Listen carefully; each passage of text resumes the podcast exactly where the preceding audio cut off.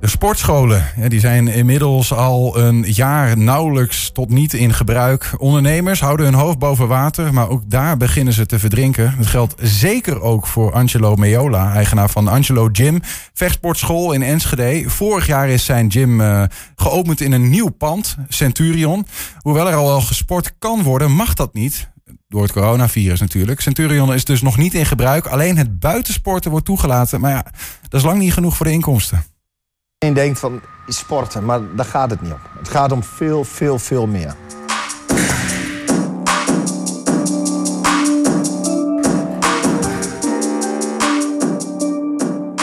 Welkom in Centurion, uh, nieuw sportcentrum in Enschede. Helaas nog niet open geweest. We zouden in september open gaan. En uh, ja, door alle corona en stress is, is het nog nooit open geweest.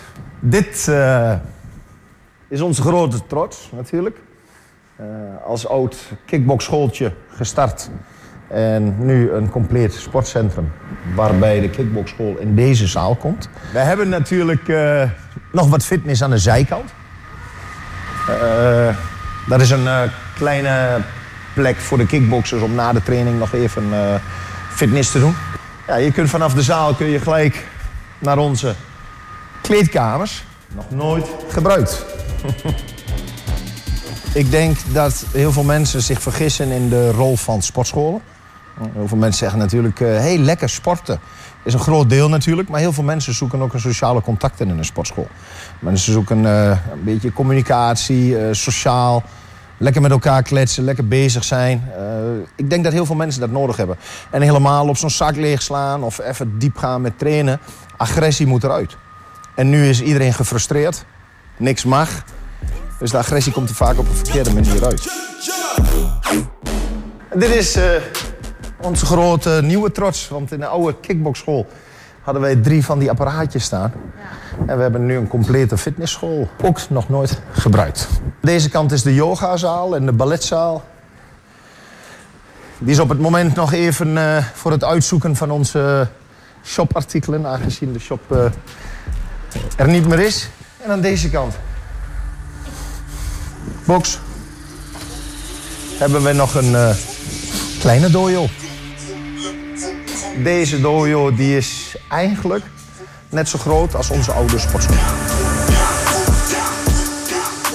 Wanneer hoop je weer open te gaan? Ja, dat, is, dat, is, een vreemde vraag, want uh, dat hopen we eigenlijk al heel lang. We zitten inmiddels bijna een jaar dicht. En uh, ja, elke maand wordt door het kabinet beloofd. Uh, waarschijnlijk volgende maand, waarschijnlijk volgende maand. En uh, ja, we kunnen morgen starten, bij wijze van spreken. Maar het is wel heel frustrerend. Ja, ja heel frustrerend.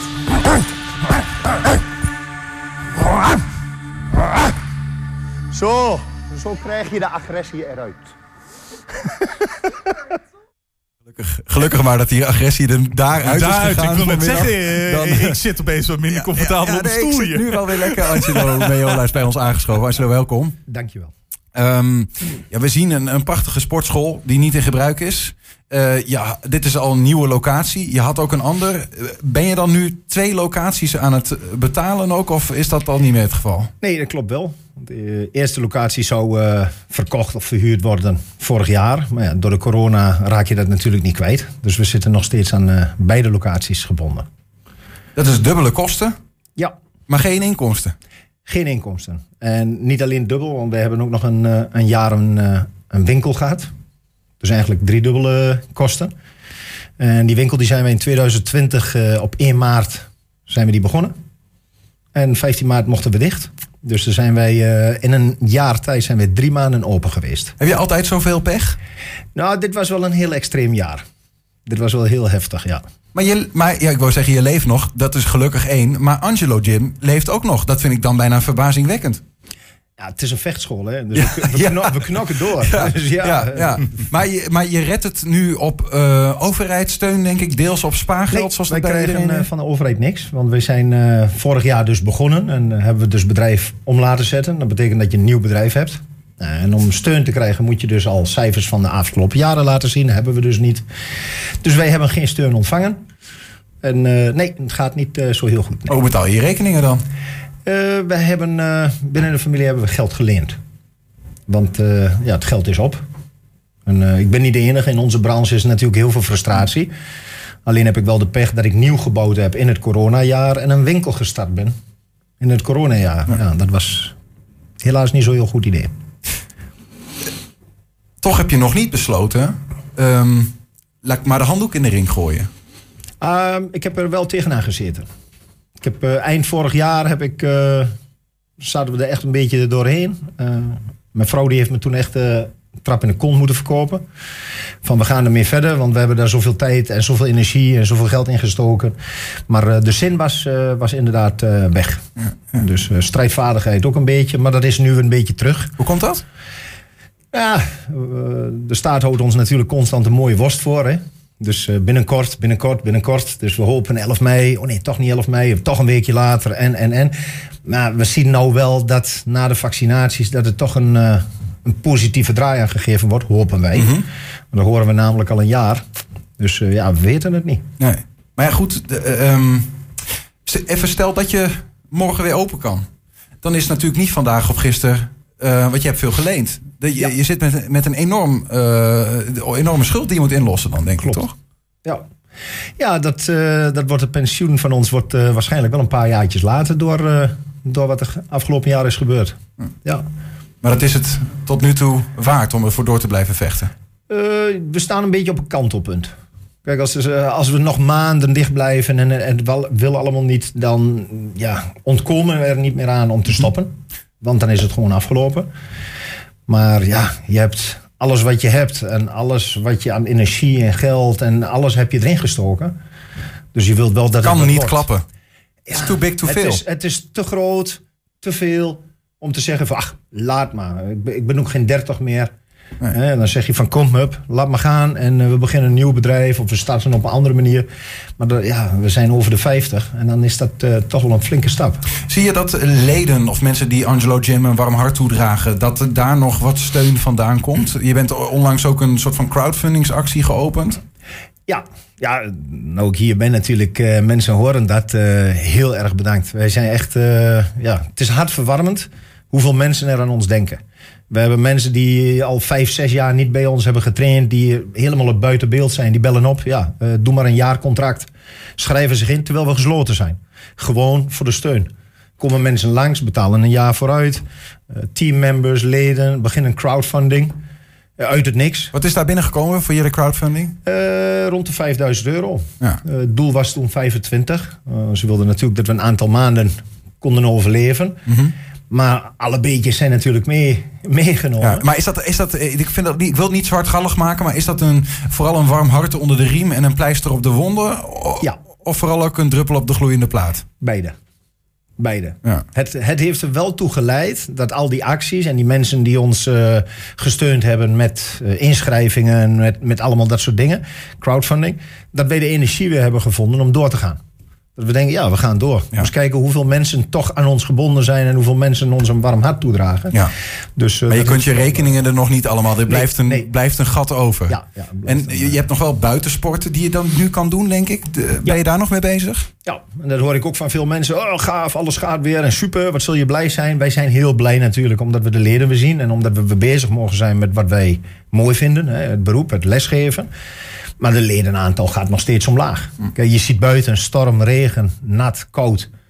En mensen schrijven zich niet in bij een sportschool... om in drie graden te staan kickboksen. Kun je daar, kun je daar wat concrete cijfers aan hangen? Van eh, hoeveel, hoeveel leden ben jij sinds het begin van de coronacrisis verloren? Eh, de helft ongeveer, de helft. ja. En de rest spo- sport dan buiten? Of dat zijn De mensen die gewoon denken van ik... het zijn eh, mensen die gewoon bewust zeggen van... ik blijf doorbetalen, want ik heb een baan en wij steunen je. Ja. Dus ja. Je hebt ook een, zogeheten zorgprogramma. Wat is dat precies? Eh, zorgprogramma. Mijn vrouw heeft een zorgbureau geopend, een aantal jaren geleden. Wij, eh, we staan bekend als kickboxschool natuurlijk. Hè. Dus het trekt heel veel jongeren. En uiteraard ook bepaalde doelgroepen. We hebben altijd mensen geholpen die doelgroepen. Eh, eh, dingen regelen, stages helpen, naar het UWV, dat soort dingen. Mijn vrouw heeft eh, sindsdien gezegd van weet je, ik maak er eh, een beroep van. Dus een zorgbureau gestart en nu proberen we dat op die manier proberen we dat te integreren met de sportschool. Kijk, vechtsport is natuurlijk heel erg hot bij ook probleemmensen, probleemkinderen. Uh, mensen met uh, slechte weerbaarheid, het agressieproblemen. Ja, die kunnen wij weer helpen op die manier. Dus we geven dan één op één weerbaarheidstrainingen, agressieregulatietrainingen. Is dat ook, zie, je, zie je mensen veranderen binnen je gym? Dat je, dat je ze binnen ziet komen als misschien wel mensen met agressieproblemen. En die daar buiten gaan als zelfverzekerde mensen die. Ja. Dat krijgen we vaak, ook ouders die ons huilend vertellen dat hun kind weer naar school durft. En ja, er zijn heel veel voorbeelden, dus dat, dat uh, geeft een heel mooi gevoel. Genoeg reden um, om uh, te hopen en uh, nou ja, op de knieën te gaan dat Angelo Jim behouden blijft, ook voor Enschede. wat zijn eigenlijk je verwachtingen? Want onlangs kwam er nog weer het bericht, de sportscholen zouden open gaan. We wachten toch nog maar weer even, want er is weer een soort van piek. Um, heb je er vertrouwen in dat het de komende weken gaat gebeuren?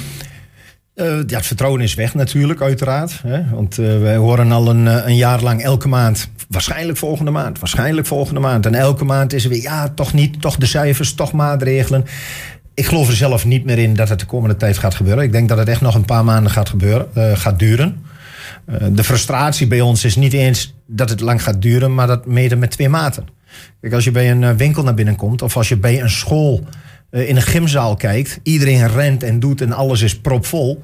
En bij ons mogen er geen vijf mensen binnenkomen. Dus het verschil, dat, dat, dat frustreert. Ja. Wij kunnen ook iets doen, hè? deels. Coffeeshops open, slijterijen open, want dat is natuurlijk allemaal essentieel. Maar sporten om gezond te blijven niet. Terwijl, ik kan het wel raden, in jouw ogen is het misschien nog wel ik denk dat essentiëler dan het glaasje alcohol. Ja, ja. zo zie ik het wel. Ja, precies. Um, Angelo Meola, dank voor je, voor je komst en dat we even bij je binnen mochten kijken. En uh, nou ja, veel sterkte nog totdat het weer mag. En ook daarna in het uh, je terugvechten op een goed, ook financieel niveau, joh. Dankjewel. Dankjewel dat ik hier mocht zijn.